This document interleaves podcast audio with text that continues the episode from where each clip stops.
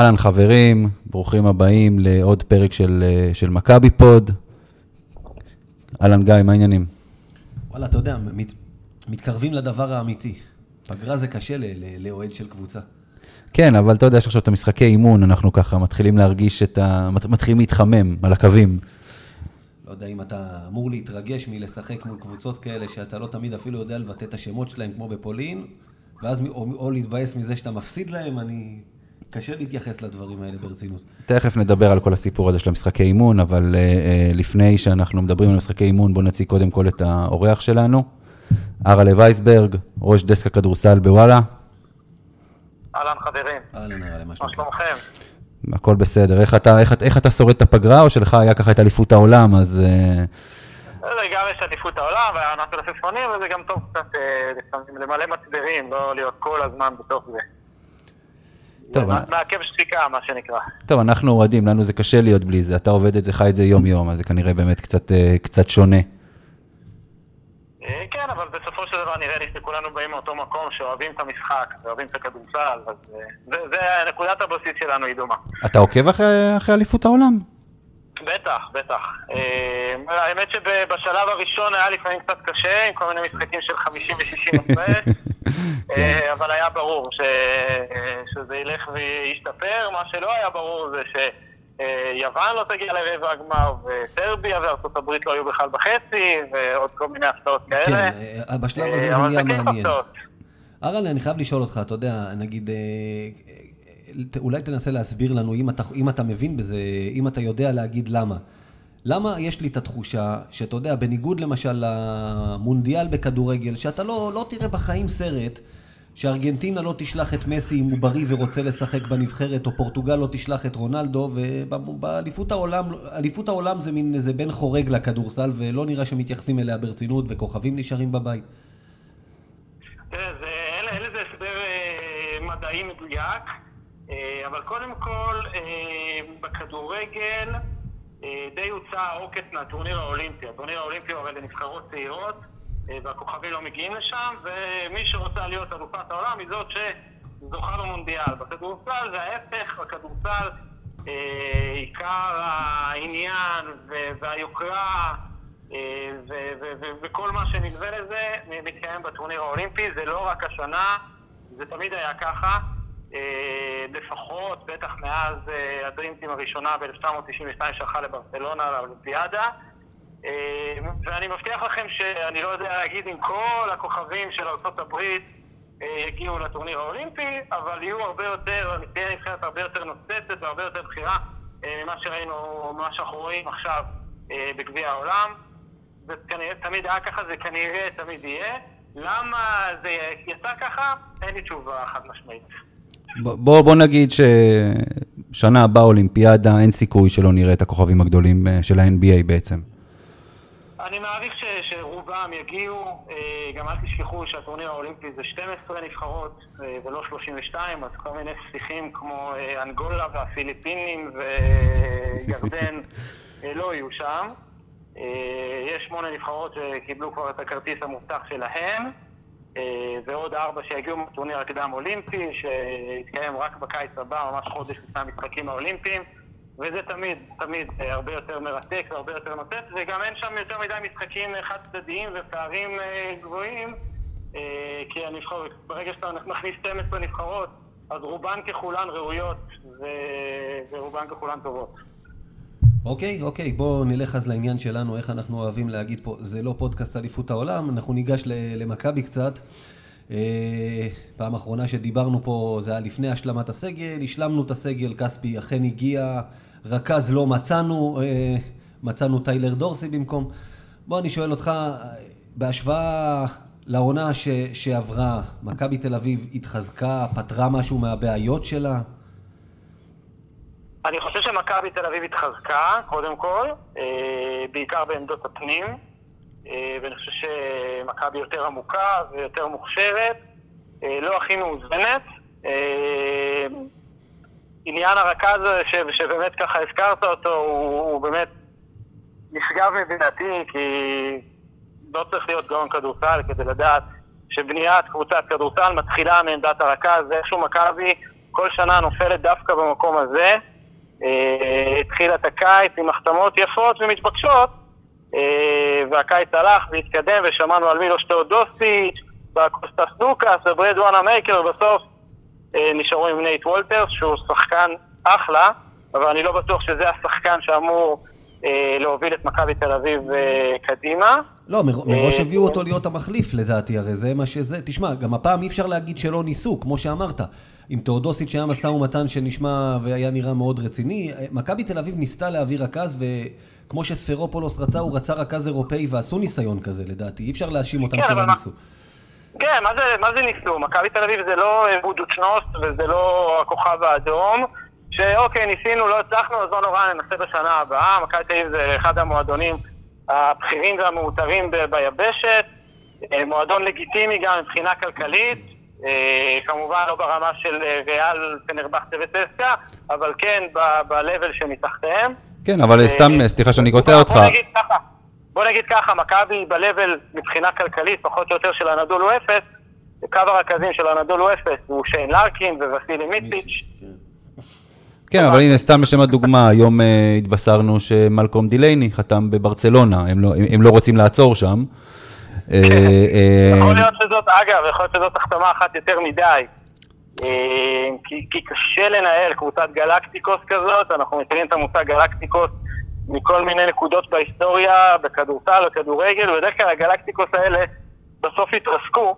אה, אז קשה להגיד על ברצלונה שהולכת להתרסק, כי כשמסתכלים על הסגל שלה, זה באמת משהו שמציץ את הדמיון, אבל זה לא מבטיח להם שום דבר. כן, אבל אה, הת- התחלתי להגיד, כאילו, הוא הוא חתם בעיקרון, ב- לפי מה שהבנתי, ב-1.8 מיליון דולר.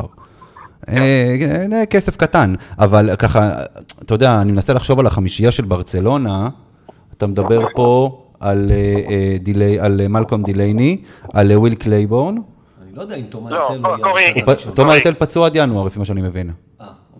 תומא הרטל פצוע עד ינואר, זה קלייברן בצסקה, קורי היגינס. אה, קורי היגינס, סליחה, סליחה, סליחה, קורי כן. היגינס, סליחה, נכון. אה, אה, אלכס אברינס בעמדה שלוש, ניקולה מירוטיץ' בארבע וברנדון דייוויס בחמש, זה כאילו, זה... ועוד לפני שדיברנו על הספסל, שאני מניח אגב שזו לא תהיה החמישייה הפותחת, אני די בטוח שיהיה בה שחקן אחד, אולי אפילו שניים, מהיותר אפורים כביכול, שיבואו וייתנו הגנה, כי חמישייה כזאת זה באמת חמישה כדורים. אה, כמאמר הקלישאה. זה יכול להיות כמו מכבי של בטוח שאחד 2004. מהם יעלה מהספסל. זה יכול להיות כמו מכבי של- שאחד מהם יעלה מהספסל. זה יכול להיות כמו מכבי של 2004, שאולי הם יחטפו, אה, יחטפו 100 נקודות, אבל יקלעו 102. אה, כן, אבל מכבי של 2004, קודם כל אה, הייתה קבוצה ששלושת הכוכבים שלה, שרה, ספארקר וויצ'יץ', שלושתם היו שחקנים מאוד מאוד קבוצתיים. וגם נכון, בקבוצה כן. הזאת היה נייסי אובסטון אחד שחיכה מעל הטבעת לאליופים שהגיעו, וטל בורשטיין שבעצם היה הדבק של כל הדבר הזה, השחקן נטול האגו ש- שלא מחפש לצלוע את ה-15-20 נקודות במשחק. והפוזיציה הזאת היא מאוד חשובה בקבוצה של כוכבים. כן, זה נכון. אז נחזור רגע שנייה אחת מבחינת, אה, מבחינת הסגל של מכבי העונה. אז אה, אמרנו בעצם שמבחינת הרכז, שוב, אה. שוב יש בור בעצם. ומה לגבי שאר הסגל מבחינתך? אז זהו, אז, אז, אז רק עוד מילה על, על עמדת הרכז. לא נפתרה שם הבעיה, אבל אין ספק שיש כאן שדרוג לעומת העונה שעברה. אתם תזכירו לי מי היו הרכזים של מכבי תל אביב בעונה שעברה, אוקיי, סקוטי ווילבקי נשאר, מי היה לידו בעמדה הזאת? ג'רמי פרגו, היה אמור להיות, כן. כשהוא הגיע בסופו של דבר, ג'ון די ברטולומיאו. היה זהו, היה פרגו, היה קנדריק ריי, היה רגע רמון סשנס ודיברטולומאו שנשאר. וגם מייקל רול קצת, לא? בתחילת העונה? היו לו חלקים כאלה? הוא ודיאנדרי היו, קיין היו החזיקו את התקפות הכדור שהוא... לפעמים. כן, היו התקפות שהוא כדרר. אז, אין ספק שנייט וולטרס לעומת החבר'ה האלה אה, זה שדרוג, וכמובן שגם אה, אה, טיילר דורסי יוביל כדור פה ושם. זאת אומרת, מכבי השתפרה, לא מספיק אולי, אבל ומי שחשב שסקוטי ווילבקין ישחק כאן רק בעמדה 2, אז זה לא יקרה, ואנחנו נראה אותו הרבה בעמדת הרכז.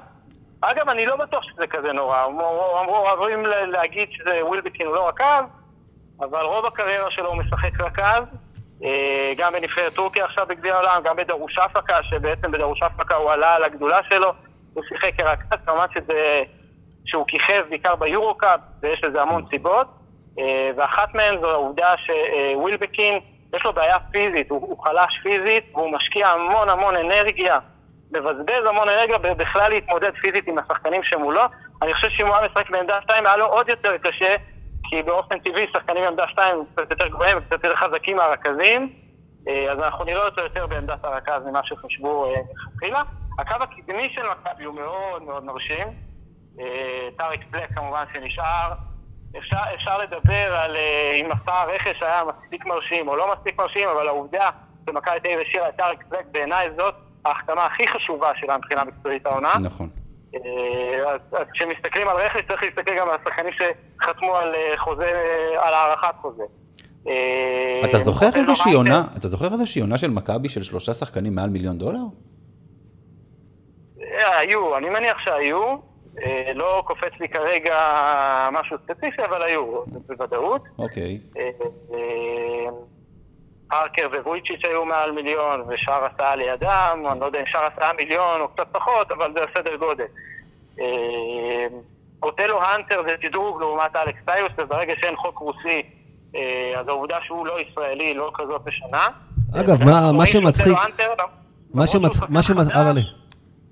שמצחיק, מה שמצחיק שמכבי תל אביב, אה, דווקא השנה יותר מתאימה לשיטת, לפחות גם בליגה, כאילו בנתה את הקבוצה לשנה שעברה.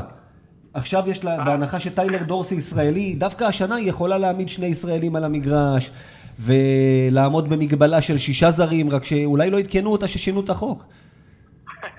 כן, הפער בין מכבי ליתר הקבוצות בליגה וכל מה שקשור לישראלים אה, התעצם באחוזים כן. גדולים מאוד. אם ניקח את הפועל ירושלים כדוגמה, אז הפועל ירושלים לצאת לעונה הזאת, כל עוד אמר אסטודם היה לא חזר ולא נראה שזה באופק, הפועל ירושלים הולכת העונה הזאת עם ארבעה ישראלים, אה, ומכבי תל אביב עם סגל ישראלי יוצא מן הכלל. אה, ומאוד מעניין יהיה לראות אם אנחנו מדברים על ישראלים כמובן, שני שחקנים ש... שיהיה מרתק לבדוק מה יאניס סורופולו צריך לעשות איתם. אחד זה יובל זוסמן, אם הוא ממשיך בקו העלייה שלו, או שהוא הולך קצת לאבד מהזוהר ומהמקום שלו בגלל מה שקורה בקיץ האחרון עם דני אבדיה.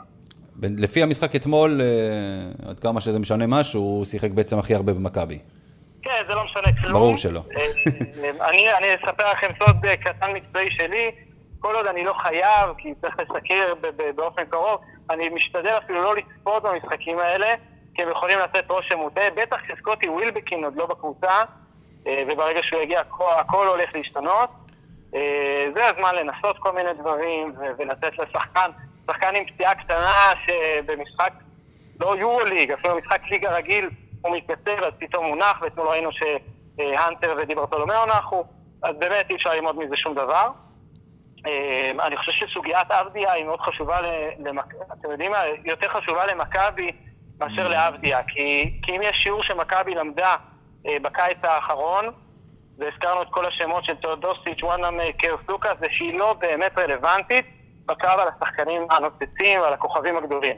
היא יכולה לנסות, היא יכולה לפנטז, אבל בסופו של דבר הם לא באמת קרובים אליה.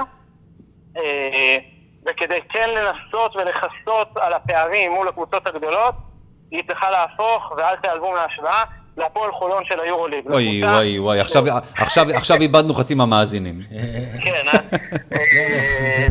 אבל לא, והפועל חולון במובן הטוב של המילה, הקבוצה שמביאה את השחקנים, לא בהכרח המקומיים, בעיקר זרים, אה, את השחקנים האלה שהם רגע לפני הפריצה, שהם יודעים שיקבלו את את הבמה, אה, ושאחריה הם יעשו כבר את החוזה של המיליונים, ובעזרת הפריצה של השחקנים האלה היא מתברגת בצמרת. הפועל חולון, אומנם אה, מבחינה תקציבית היא מקום שלישי נראה לי, שלישי רביעי בארץ, ולשם היא בדרך כלל מגיעה, מכבי תל אביב אז אולי לא שלישית רביעית ביורוליג, אבל היא לא מצפה גם להיות שלישית רביעית כרגע.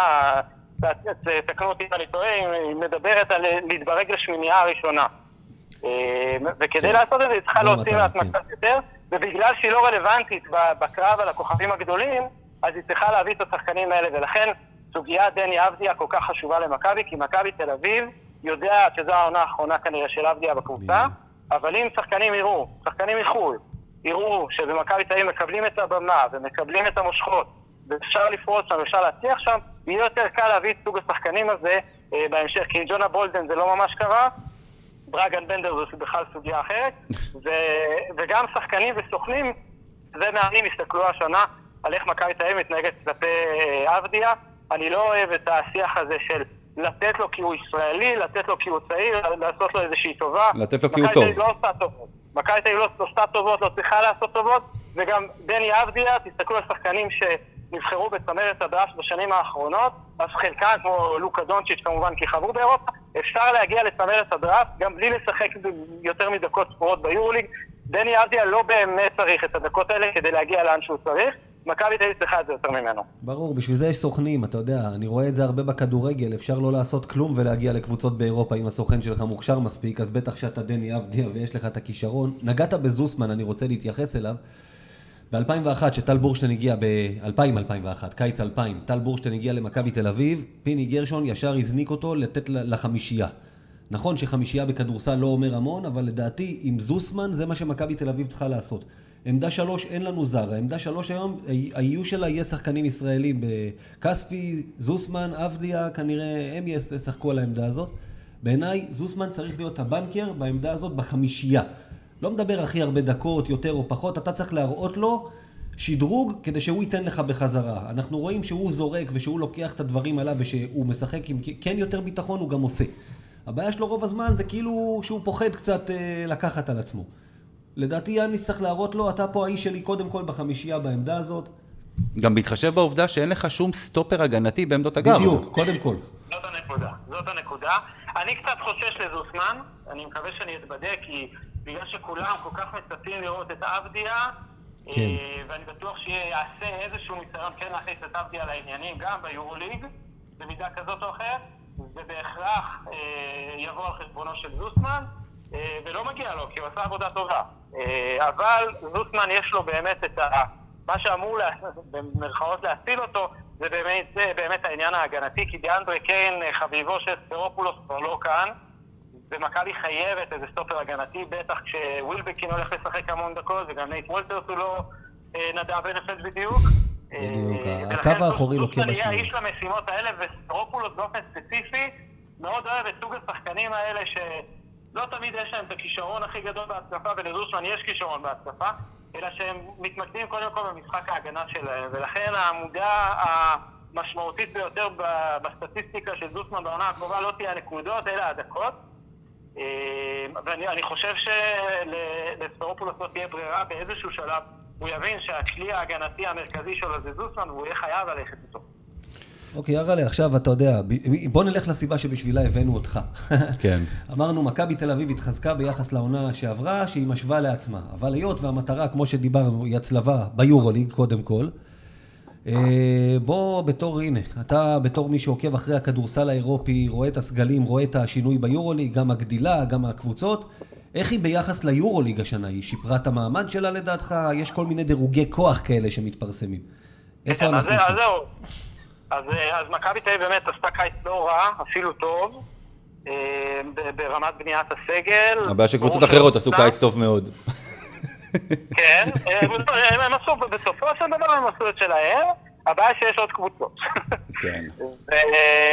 ולפני שאנחנו מסתכלים על הסגנים, אוהבים להסתכל על תקציבים. מבחינה תקציבית, אתם יודעים, מיליון לפה, חצי מיליון לשם, כל עוד זה לא יוצא לכיס שלי או שלכם, זה לא נורא.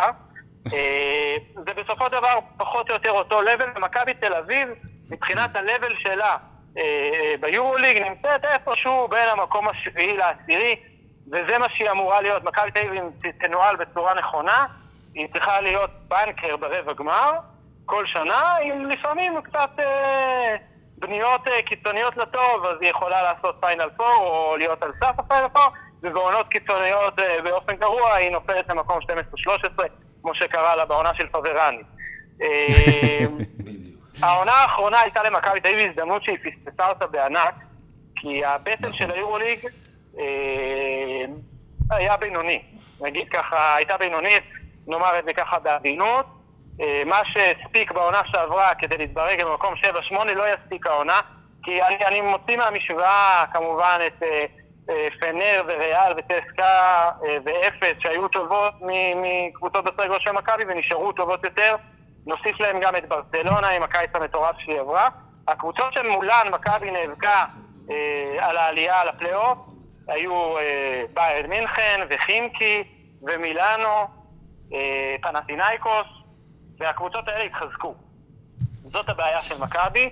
כן, אבל יש פחות, אה, אתה יודע, אראלה, אני כאילו, כמו שאני אני מסתכל על זה מה- מהעין שלי, ומנסה לא להסתכל על זה כאוהד מכבי, אלא כחובב כדורסל, ו... ו...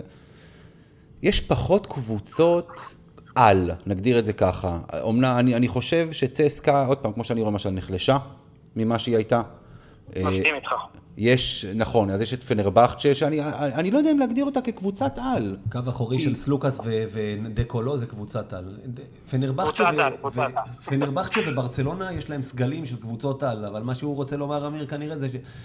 שנה שעברה היו לנו ארבע, ארבע וחצי קבוצות שאמרת אותם, הם תקרא, הם ברמה שמכבי לא יכולה להתקרב. השנה אבל אתה מצד שני, שיש את מוסקבה בחוץ. שאתה לא לא הימרת תראו, על זה אבל שוב, בחיים. זה מרמים למשחק אחד, זה לא לשיטת ליגה. לליגה, לאורך ליגה, כמו שבנויה היורוליג, אתה לא תעבור את צסקה, גם אם ניצחת אותה במשחק אחד. בדיוק. השנה זה נראה גם- אחרת. גם בעונה שעברה, גם בעונה שעברה, מכבי תל אביב ניצחה את צסקה. אה, וניצחה אותה במוסקבה, במשחק שכמעט שינה למכבי את כל העונה, אבל, אבל לאף אחד לא היה ספק, גם כשמכבי חשבה שאולי היא עולה על הפלייאוף, היא לא חשבה לרגע שהיא תעבור את צסקה. אני חושב שגם השנה זה פחות או יותר אמור להיות אותו דבר. אני מסכים שצסקה נחלשה ובנתה סגל קצת מוזר, אנחנו לא רגילים לראות מצסקה, שונה מכל מה שאנחנו מכירים שם, אבל עדיין לחשוב שצסקה תהיה מחוץ לפלייאוף או תיאבק באזור מקום שביעי-שמיני, זה צריך לקרות משהו באמת קיצוני. לא, לא שווה שמונה, אבל, אבל היא- יש מצב טוב שהיא לא תהיה, אתה יודע, יש עוד פעם, ברצלונה, ריאל, זה ריאלי שזו. קבוצה שלא תגיע ליתרון ביתיות צסקה ברבע גמר? אני חושב שכן. שהיא לא בהכרח תסיים בארבע הראשונות. אוקיי, אבל, אבל בשביל לעבור את צסקה היא צריכה להתרסק ממש. תסכימו איתי שאם מכבי תל אביב תסיים העונה לפני צסקה, בהנחה שמכבי תל אביב לא הולכת לתת עונה של מקום ראשון-שני, כן? מכבי תל אביב תממש את הפוטנציאל שלה, כדי שהיא תעבור את צסקה, צסקה צריכה סוג של להתרסק. זאת אומרת, ניקח בחשבון שעל הנייר, כמובן שהכל על הנייר, כן? ברור. אה, סנרבכצ'ה, ריאל, צסקה, ברצלונה ואפס, כבר חמישה כרטיסים לרבע הגמר די סגורים. אה, מילאנו עם אתורה מסינה, הייתי, שמנו אותם כבר רגל וחצי בפנים, זה כבר שישה.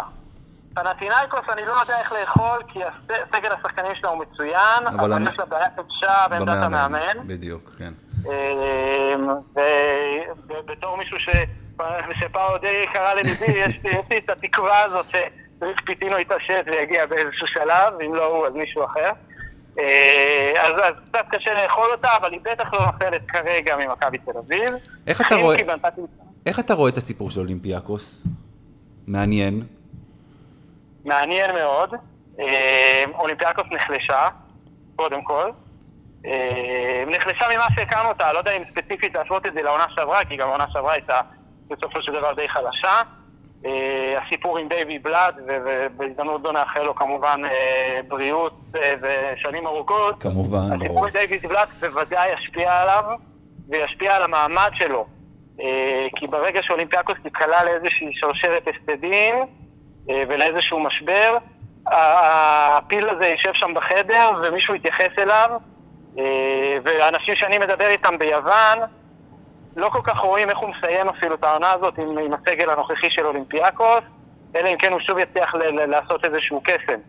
אגב, הקסמים של בלאט אף פעם לא מגיעים בנובמבר-דצמבר, מי כמונו יודעים את זה. נכון. מרץ אני לא. בטוח שלאולימפיאקוס, אני לא בטוח שלאולימפיאקוס תהיה הסבלנות אה, כדי לחכות לקסמים האלה שבעונה שעברה בסופו של דבר לא הגיעו.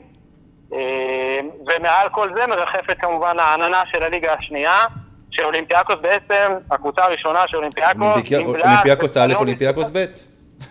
הם גנבו- בדיוק, הם גנבו ממכבי את אולימפיאקוס- הרעיון. כן, אז זה האמת שאיך שהם בנו זה יותר אולימפיאקוס ב' ואולימפיאקוס ג', אבל, אה, אבל הם ישחקו רק ביורוליג. ויש לזה יתרונות ויש לזה חסרונות, אי אפשר לדעת איך, איך הקבוצה תגיב לזה. נכון. אה, כי קחו למ- קחו למשל, אתם יודעים, בואו נדבר על מכבי של העונה שעברה.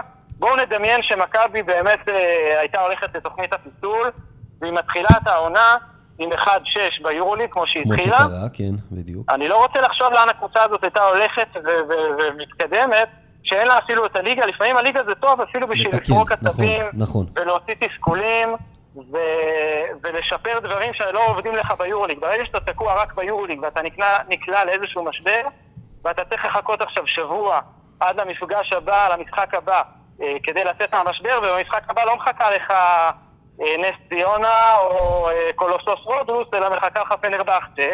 אתה עלול ליפול עוד יותר. אני לא יודע איך אולימפיאקוס תתמודד עם הדבר הזה, היא תהיה פחות עייפה מאחרים, זה ברור, אבל אה, לא, לא בטוח שזה לטובתה. בכל מקרה, אז, דיברנו על המאמץ של מכבי, וזה, על הנייר מכבי תל אביב לא אמורה לעשות פלייאוף השנה, אבל זה גם לא משהו שאמור להפיל מהכיסא אם היא תעשה, כי, כי כמו שאמרנו, היא איפשהו בין 7 ל-10, אה, בעונה טובה, כשאחרים קצת פחות טובים אפשר להגיע ל-7, בעונה פחות טובה אתה מוצא את עצמך גם 10-11. אוקיי, עכשיו אתה רואה ככה את הסגל של מכבי. כדור אחרון. כדור אחרון, כדור, מנ... אה, אה, כדור של משחק, נגדיר את זה ככה. למי אתה נותן אותו? ממשיך עם ווילבקין, שבעונה שעברה לצערנו הרב לא, לא, לא הכי הצליח עם זה. את רוב הכדורים האחרונים האלה מחפשים עד היום. כן, משהו האלה. כזה, במיוחד את האליופ, במיוחד את האליופ לטיוס. מנסים להוריד אותו מהריבוע במרכז של ההיכל שם. משהו כזה, כן. אמ, או שאתה, אתה יודע, או שפתאום אתה הולך אולי על דורסי, אולי על, אה, אולי על אה, אלייז'ה. אולי נייט וולטרס מוביל את הכדור, ואתה יודע, דורסי ווילבקין הולכים לצדדים. דורסי מאוד אוהב כדורים אחרונים, זה גם הוא מעיד על עצמו, הוא שחקן כן. שהוא אוהב להיות בקלאץ' ו... מי, מי, מי ה-go to guy שלך, מי ה-go to guy שלך, ומצד שני, מי המנהיג של הקבוצה? מי זה שידחוף את הקבוצה קדימה? לאו דווקא, אתה יודע, מבחינה, יקלע את ה-20-25 נקודות, או שזה אותו אחד מבחינתך. אני לא חושב שיהיה מישהו במכבי שיקלע 25 נקודות. אה, אני חושב שהברומטר שבעצם ילמד אותנו כמה מכבי טובה או לא טובה יהיה טאריק בלק. אם הוא יעשה את העבודה שלו, את המספרים שלו, אה, ויקבל את מספר הכדורים שהוא צריך, אז סימן שמשהו במשחק הקבוצתי עובד.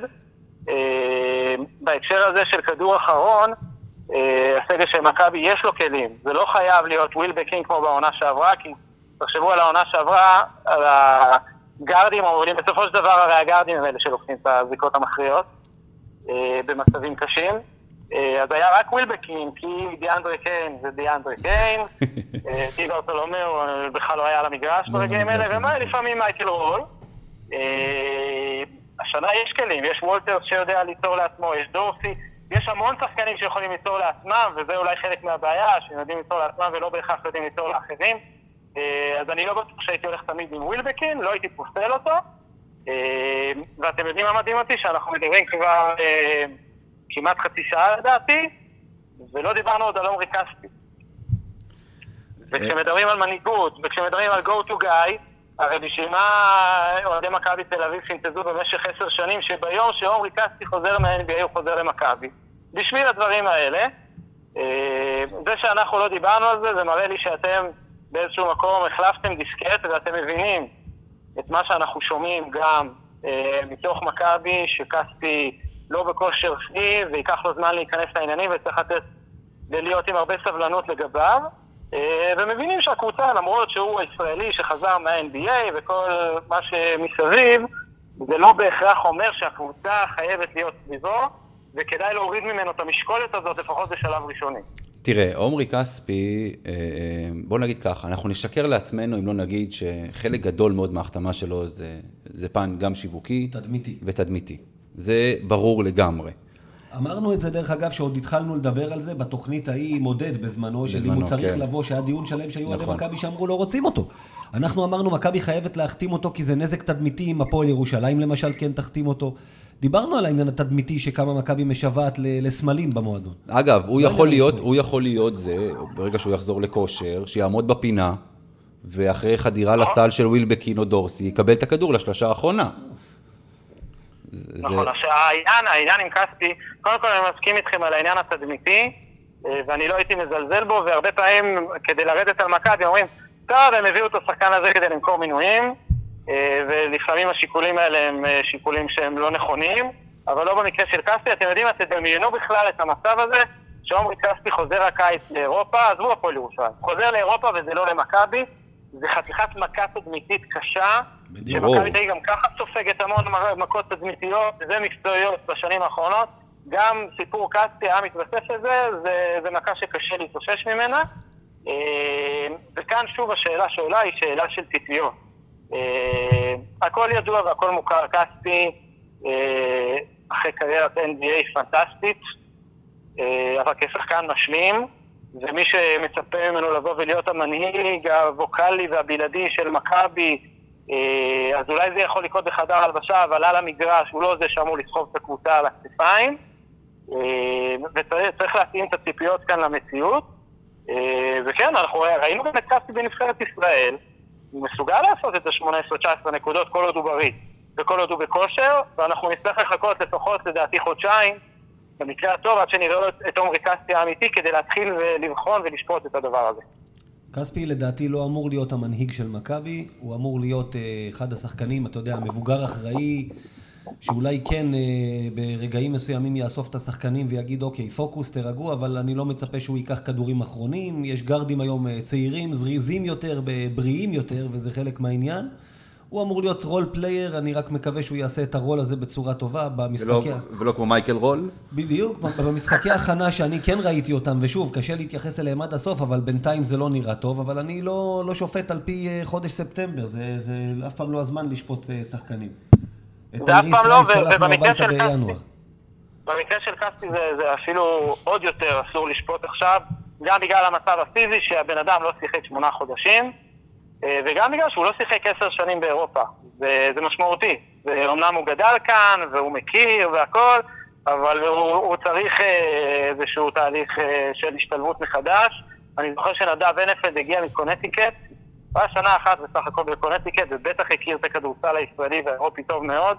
בעונה הראשונה שלו, כל משחק הוא הסתבך בעבירות, שלוש, ארבע, לפעמים חמש עבירות, ומכבי היה קשה מאוד איתו. אה, ולאט לאט נכנס לעניינים, ואיך זה נגמר בסוף כולם יודעים, כמאמר המשורר. אז קפטי זו סיטואציה שונה כמובן, אבל, אבל גם כאן צריך לתת לו את הזמן הזה. אה, ואני כן חושב שברגעי משבר, ואם מכבי תל אביב תיקלע לאיזשהו, לאיזושהי שרשרת הפסדים, אז כן תהיה ציפייה שקסטי ייקח על עצמו את המושכות, ולא בהכרח ייקח כל כדור לסל, אלא באמת תהיה הדמות הזאת ש- שמאחדת את כולם ומחברת את כולם. אה, כי הקהל, תתקנו אותי אם אני טועה, אתם מכירים את הקהל יותר טוב ממני, הקהל צמא לדבר כזה. בוודאי. חד משמעית, דיברנו על זה שחלק מהעניין, עבדי, הכספי, זוסמן, אם הקהל יראה הרבה דקות מישראלים, זה קודם כל, אם, אם לא יצליחו להצלבה, הקהל יקבל את זה קצת יותר טוב, אם, אם לפחות זאת תהיה הסיטואציה, זו דעתי. אה, אני שואל אותך שוב עוד פעם, כדור אחרון, דיברנו על זה, ווילבקין ודורסי, שניהם אוהבים את הכדור, הם, יש להם הרבה מאותו דבר. אתה רואה פה פוטנציאל ל, ל, לאיזה, לאיזה סכסוך, לאיזה משהו נפיץ שיכול אה, ליצור מאבקי אגו? לא, אני לא חושב, אני לא חושב שזה במקום הזה. אה, אני חושב שלווילבקין יהיה קל יותר שדורסי ווולטר יהיו לידו ושניהם מאיימים על הסל. אה, אבל אז אתה שואל את עצמך איפה זוסמן נכנס לעניינים? שאלה. אבל אני לא, אני לא רואה בעיות בדבר הזה, אני חושב שזה מבורך מבחינת מכבי. יהיה לה גם את וולטר וגם את ווילבקין וגם את דורסי שיכולים לקחת כדור, להוריד אותו לרצפה ו... שכחת את סנדי כהן. כן, כן, אני מניח שאני לא היחיד ששכח אותו, שיש לי תחושה שגם ספרופולוס ישכח ככה זה נראה, כן. אה, נכון, גם אתה פה. רגע, יש ג'יי כהן, ויש סטנדי כהן השלישי, חסר הכהן השני. אז מי זה הכהן השני? בוא נראה כן. מה עוד... אה, מה עוד הם מכינים? זה כמו ביתר תל אביב של שנות ה-90, שהיו לה שלושה כהן בקבוצה. כן, כן. ניסים כהן זה ירון כהן. אבל תכלס היה רק את ניסים כהן, כל השאר לא חשוב. ניסן וירון וזה, כן. אראלה, אז אוקיי, אתה נגעת קודם, אמרת שלדעתך, לפחות על הנייר, אנחנו אוהדים, אז אנחנו משוחדים, מבחינתנו אנחנו תמיד רואים רק את הקבוצה שלנו, וגם כשמפסידים ל... אתה יודע, תבוא ותפסיד לברצלונה, אנחנו תמיד נדבר על הטעויות שעשינו. אמרת שמכבי לדעתך על הנייר לא נראית קבוצה לפלייאוף, בוא תזרוק עכשיו הימור, איזה מקום ביורוליג מכבי מסיימת את העונה הזאת, בפנים, בחוץ, מחוץ להצלבה. רק, תס, רק תזכור שמי שמאזין לנו זה אוהדי מכבי. זה אוהדי מכבי. עכשיו תענה. כן. אה, אני מעריך שבין מקום שני לשלישי, זה בסדר לאוהדים? לא, מעולה, מעולה. אה, הרגע הרווחנו את כל ה-500 מאזינים שאיבדנו בהתחלה, שישבו אותנו לפועל חולון. אני אתן לך עוד איזה ויכוח, כאילו לא. היה בין שני הנוכחים פה בחדר אה, שמדברים איתך, היה ויכוח, שאחד מאיתנו אמר שמכבי יכולה גם לשאוף למקומות 3 עד 6. השני אמר שאם אנחנו מסיימים בתוך ההצלבה בין 6 ל-8 זה הטופ, הטופ התקרה. ואנחנו לא נגיד מי ריאלי וצודק ומי מאיתנו אמיר, עכשיו אתה יכול, אתה יכול אה, להגיד את, ה, את הדברים שלך. אה, שלוש עד שש אני לא רואה. אה, צריך לקרות משהו באמת נדיר, איזשהו חיבור שהרבה שנים לא ראינו במכבי, כדי. שהם יצליחו וגם אז זה לא לכיוון, יותר לכיוון השש מאשר השלוש. קשה לי קצת להמר האמת, זה, זה שוב, כמו שאמרתי, זה איפשהו בין 7 ל-10, אבל מכיוון שזה אוהדי מכבי פה, אז נגיד 7-8. תראה, אני... אם אני צודק, אז אתם תזכרו לי את זה, ואם אני טועה, מי, דיבר על זה בכלל? אם מישהו בא עכשיו למכבי, מביא להם, אתה יודע, דף נייר, ואומר, תחתמו פה בבקשה על מקום שמונה בתום העונה הסדירה, מכבי צריכה לקחת, אתה אומר, לחתום. אני חושב שכן, אחרי השנים שהם עברו, הם, הם קודם כל, מה זה לחתום? הם, הם לא יכולים לחתום על שום דבר אחר. גם אני כי חותם. מכבי עברה, עברה את שנות ההתרסקות שלה, ומאז היא מנסה ככה לייצב את הספינה ולהתקדם חזרה לאט לאט, צעד אחרי צעד למעלה. אז אתה כבר לא רואה את מכבי בתחתית של התחתית כמו שראית אותה ב-2017. ובעונה הראשונה של סטחיה הם, הם ככה היו באזור הפלייאוף ככה כמעט עד הסוף, ובעונה שעברה הם קצת דרכו במקום, אבל העמיקו את השליטה שלהם אה, בחזרה בליגה. אז השנה, פחות מרבע גמר זה ללכת אחורה. מכבי תל אביב צריכה לשאוף למקומות יותר גבוהים. כן, באחד הפרקים ש... ש... ש... שעשינו ו... ודיברנו עם אה, רועי גלדסטון, אה, זה גם מה שהוא אמר פחות או יותר, שחייבים, חייבים העונה להגיע להצלבה, ואני אגן לשנייה אחת על עצמי, על ההימור שלי של 3 עד 6. לא הימור, אלא אמרתי שזה... הכל נחשף. אמר... לא, לא, לא, אמרתי שזה יכול לקרות, ואני עדיין חושב שזה יכול לקרות, אבל כשאני אמרתי את זה אז, עוד דיברו על רכז מוביל שאמור להגיע. אה, אוקיי. אז יש? לך נסיבות מקלות. יש לי נסיבות מקלות, כן. אה, בוא, אתה יודע, ככה, נשאל אותך עכשיו שאלה שהיא אולי קצת מחוץ לתחום ה... הכדורסל, יותר מתחום, אתה, לא יודע, תגדיר את זה אתה איך שאתה רוצה. אה, כל סיפור אלי דריקס, ממה שאתה יודע, ממה שאתה שומע, אה, מה, מה, מה קרה שם, ובעצם בתכלס, דברים כאלה, כמו, כמו הסיפור עם אלי דריקס עכשיו, אמורים להשפיע מבחינה מקצועית על הקבוצה? זו שאלה מורכבת. אה, בשביל זה אנחנו פה. קודם, כן, בדיוק. אם זו לא הייתה שאלה מורכבת, לא היה טעם לשאול אותה. בדיוק. אה, כן, זה, זה, זה יכול להשפיע, לא בטווח המיידי, כאן מסתכל יותר שנה קדימה. כי העוגן של מכבי אה, בשנים הקשות שלה, תראו, בשנים של פארקר ובויצ'יץ' וכולי, בויצ'יץ' השחקן כמובן, אה, זה לא היה חוכמה למלא את ההיכל, ואם היו מעבירים את ה... את האוהקה עם ה-18,000 צופים אה, לתל אביב, אז היו ממלאים גם את האוהקה. אה, ואז היו רשימות המתנה, ואנשים שהתעצבנו שלא סופרים אותם, והמחירים עלו וכולי. אז זה לא היה חוכמה, אבל ראינו שבשנים האחרונות, ותמיד תהינו מה יקרה בשנים הקשות שעוד יבואו, כי אני, אני התחלתי ללכת לכדורסל באופן קבוע בשנות ה-90, ובשנות ה-90 היו 5,000-6,000 צופים במשחקי גביע אירופה ביד אליהו. אה, למרות שמכבי הייתה אלופה נצחית, ולמרות שהיא נאבקה על מקום ברבע גמר, עדיין היו 5,000-6,000 צופים.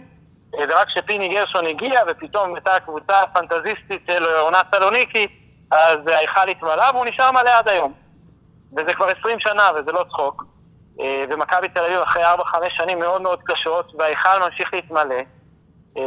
ופה צריך לתת קרדיט ענק גם לאוהדים שמוכיחים נאמנות, וגם למי שגורם להם לבוא. אה, המחירים לא ממש יורדים, זה לא שהיום מכבי תל אביב, אה, אני, כ- אני כנער בן 13 עשיתי מנוי למכבי, במנוי הראשון שלי, אני זוכר עוד את הסיסמה, קראו לזה 30 אחוז זוז. זה היה שנה אחרי שהם איבדו את האליפות לגליל עליון, הם הורידו את המחירים ב-30 אחוז, אני עשיתי מנוי לשער 11 ב-300 שקל. היום ב-300 שקל אתה יכול לקנות פלאפל. אה, אז המחירים לא ממש ירדו, וההיכל מתמלא, ויש ספונסרים, ואז אוקיי, פוקס אה, כבר היו עם אה, שתי רגליים בחוץ, ובסוף הצליחו להחזיר אותם ב- בהרבה פחות כסף, בסדר, אז הביאו את הכסף הזה למקומות אחרים, ומבחינה כלכלית מכבי נשארת יציבה, מבחינה שיווקית היא נשארת יציבה, מבחינה תדמיתית, אה, בכל מה שקשור למסביב, היא מספר אחת בפער מעל כולם, ויש מי שאחראי לדברים האלה. עכשיו, הנקודה הזאת של אלי דריקס אמורה להטריד אוהדי מכבי. בואו שנייה, אמרתם נשאיר כדורסל בצד, בואו נשאיר באמת כדורסל בצד. ואני שואל אתכם כבני אדם, עם משפחות, עם עבודות, שאתם רואים אה, שמפטרים מאמן בשתיים וחצי בלילה, ו... ומנהל קבוצה ששומע מהתקשורת שהוא פוטר, ומנכ"ל בפועל, שהוא אפילו לא מוגדר מנכ"ל, זה סיפור אחר, אה, יוצא לחופש ומזמינים אה, חוקרים פרטיים למשרד ומתחילים לחקור שם את כולם. זה לא נראה טוב ברמה האנושית. אה, אני בטוח נכון. שאתם, עזבו את זה כשאתם מכביסטים, אתם מכביסטים היו מציעים לכם היום לבוא ולהיות אה, מנהלי שיווק המכבי, אני מניח שהייתם לוקחים את הג'וב. לא בטוח שבתנאי העבודה האלה, אה, עם בוסים ש, שמתייחסים ככה, הייתם רוצים לעשות את זה. זה קצת מטריד, וזה קצת לא יפה. זה ברור שפיטורים זה אף פעם לא אה, בשושנים ולבלובים, אבל יש דרך לעשות את הדברים, אז זה מטריד ברמה האנושית, נגיד ככה. אה, ברמה המקצועית וברמת ה business, אה, אלי דריקס היה אחראי על כל מחלקת השיווק והספונסרים וכל הדברים האלה, ואני קראתי היום אצל אלי סער בישראל היום, שיש ספונסרים שנרתעים ומבצעים הסכמים ומאוד מופתעים. כי הוא זה שהביא אותם. ועכשיו פתאום הוא לא שם.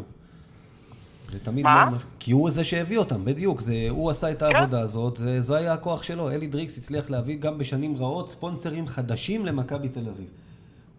וזה חתיכת הישג, שמע, מאז שהוא היה אה, חלוץ אה, כובש עם חולצה מספר 7, אולי זה הישג אפילו יותר גדול שלו. כן. אה, ומכבי תל אביב תצטרך, מדברים על תחליפים, לשחקן כזה שעזב, למאמן כזה שזה, גם לאלי יצטרכו למצוא, יצטרכו למצוא תחליף. כי אם מכבי תל אביב לא תצליח השנה, לא יהיה לה כבר אלי דריגס שיגייס את הספונסרים. אם, אם הם חושבים שיש להם את הכלים לעשות את זה גם, גם בלעדיו, אוקיי, בוא נראה, זה רק העתיד יגיד. אה, אבל כן, זה בהחלט, לשאלתך המורכבת, זה בהחלט עלול להשפיע. לא עכשיו, כי ההסכמים והמנויים וכל הדברים האלה לעונה הקרובה כבר סגורים, זה יותר בראייה של שנה ושנתיים קדימה, כמובן בהתאם לתוצאות. טוב, אז uh, ככה אפשר באמת להגיד שרוב השיחה שלנו היינו אופטימיים, ועכשיו ביאסת אותנו. זה תפקידי, מה זאת אומרת? זה תכלס, כן. אני אעשה בדק בית על זה שהייתם אופטימיים רוב השיחה. נכון, כן, זה לא, לא על זה חתמנו לפני שהעלינו אותך על הקו. לא זה תפקיד הפרשן. בדיוק. תפקיד הפרשן הוא לבקר ולבאס, אתה אומר. אמ, אז אהרל'ה אה, וייסברג, ראש דסק הכדורסל בוואלה, המון המון תודה שהיית איתנו. תודה רבה, אהרל'ה. תודה לכם, ושנהנה מכדורסל השנה, הכי חשוב. הכי חשוב, ולא, הכי חשוב זה שמכבי יהיו בפלייאוף. אבל מתחת לפאו, בסדר. כן, צריך לומר, אראלה אמר יקרה לליבו, אני חושב, צריך לומר, אני אקח הימור פה מושכל, שאני חושב שאתה הישראלי היחיד שלילדים שלו יש חולצות של פנטינאיקוס כדורסל בבית. לא יודע כמה כאלה יש פה בארץ. בסדר, הם ירבו, ירבו, אנחנו נחנך עוד ילדים מסביב. תביאו את ריקס, שינהל לכם את השיווק. שינהל את השיווק. בדיוק. אראלה, המון המון תודה. תודה רבה. תודה לכם, ביי ביי. ביי ביי, להתראות.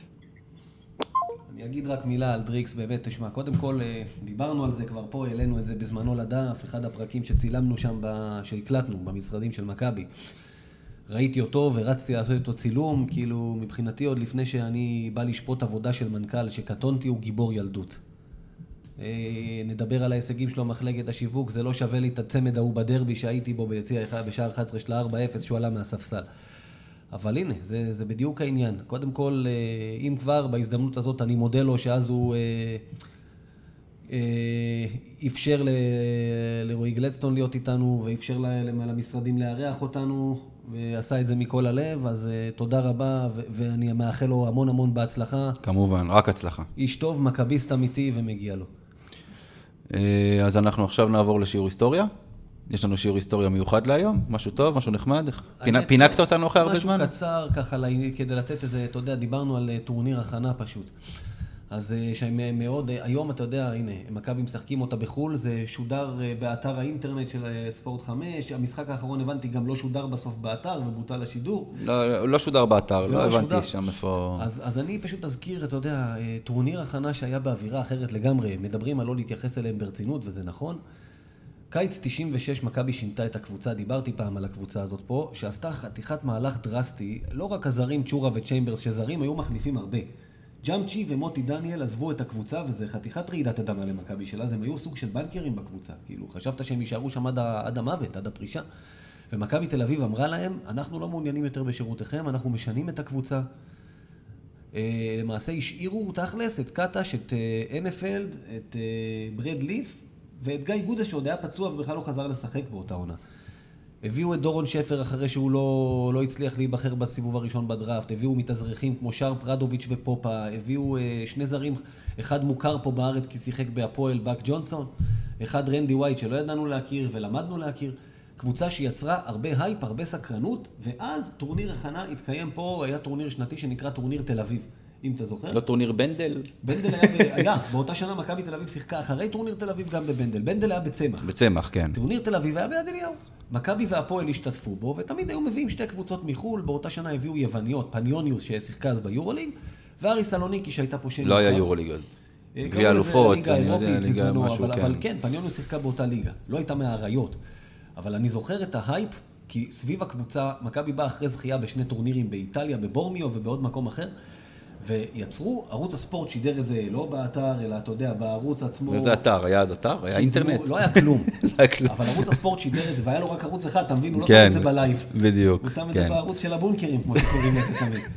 והוא שם את זה בערוץ הזה, ועשה לזה פרומואים, ועשה לזה זה, ויד אליהו מלא בעשרת אלפים צופים לטורניר הכנה. זה היה מדהים איזו, אתה יודע. וכמה קיבל- קיבלנו. בראש? לא, לא, לקחנו את אה, הטורניר. לקחנו? אוקיי. חצי גמר אה, הפועל תל אביב הפסידו לפניוניוס, מכבי ניצחה את אריס 6 הפרש, שמרוב המחצית הראשונה הייתה בפיגור והתחילה המחצית שנייה, גמר 19 הפרש על, פנ... על פניוניוס, התחיל, וזה פיתח לאנשים, אני זוכר את, ה... את ההייפ שהיה סביב הקבוצה בעקבות אותו טורניר שפתאום ראית את איזה שודר, ואוהדים ראו אותם פה בארץ, והתחילו לפנטז על הגביע ממש, אה, בימים שטורניר אה, יצר כזה בלאגן. ובימים שפתאום, הנה, לקחנו טורניר הכנה ברצינות, ואז התחילה היורוליג, וגילית גם את הבעיות. אני עדיין טוען שדרך אגב, הקבוצה של אותה שנה הגיעה פחות מהפוטנציאל שלה, והייתה שווה פיינל פור. אם היא הייתה עושה כמה דברים קטנים יותר נכון, אבל אתה יודע, זה מים מתחת לגשר, והפנים הם תמיד קדימה, לא אחורה. זהו, זה השיעור להיום, קטן, טעים, ופותח את התיאבון, כמו, כמו שצריך להיות במשחקי הכנה. אוקיי, אז אני רוצה כמה מילים לפני שאנחנו מסיימים. אה, ככה התחלנו באמת עם משחקי האימון, משחקי ההכנה, תגדיר את זה איך שאתה רוצה.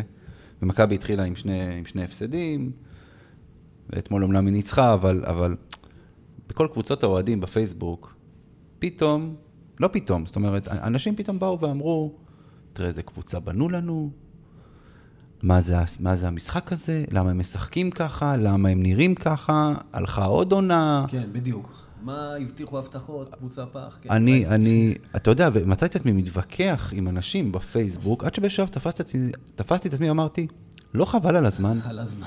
אני רוצה באמת להגיד פה כמה מילים, ואחרי זה, גיא, תוסיף מה שאתה רוצה. אנשים, אתם צריכים להבין מה זה משחק אימון. או בטח ובטח, מה זה משחקי אימון ראשונים, אחרי שבועיים של אימונים של הקבוצה, שאפילו עדיין לא נמצאת בסגל מלא, כי ווילבקין רק היום מצטרף לקבוצה אחרי אליפות העולם. במשחקי אימון ראשונים של עונה, עושים 5,000 ניסיונות. שמים את, אה, את אה, אלייז'ה בריינט כסנטר, ושמים את, אה, נ- את, את, את, את, את אני, אני כבר לא יודע אפילו איך לחשוב על למצוא איזשהו שחקן, לשים אותו באיזשהו תפקיד הזוי, כדי שתבינו, תבינו, שבסופו של דבר אלה משחקי אימון. מנסים תרגילים, ושחקנים עדיין לא מחוברים, ושחקנים עדיין לא בכושר, ועושים הרבה מאוד ניסיונות. לא לקחת את זה עכשיו כמשהו שמשקף את איך העונה הרגילה, גם בליגה בארץ, גם ביורולי כמובן, איך, איך, איך העונות האלה ייראו. מה שנקרא, קחו דברים בפרופורציות. המשחקי אימון לא משקפים שום דבר. כשנתקרב, אנחנו מתחילים את היורליג בשלישי לאוקטובר, אני צודק? בשלישי באוקטובר. בשלישי באוקטובר. לפני זה יש לנו בעצם את משחקי, יש לנו טורניר אחד, טורניר הכנה רציני, כן, בסוף שבוע הבא, עם קבוצות יורוליג. יפה, עם קבוצות יורוליג, בואו נגיד ששם כבר אפשר יהיה לראות פחות או יותר איך מכבי הולכת להיראות בתחילת העונה. וגם זה עוד לא ממש אינדיקציה למה יהיה בהמשך, כי גם פה ווילבקין יהיה שבוע עם הקבוצה.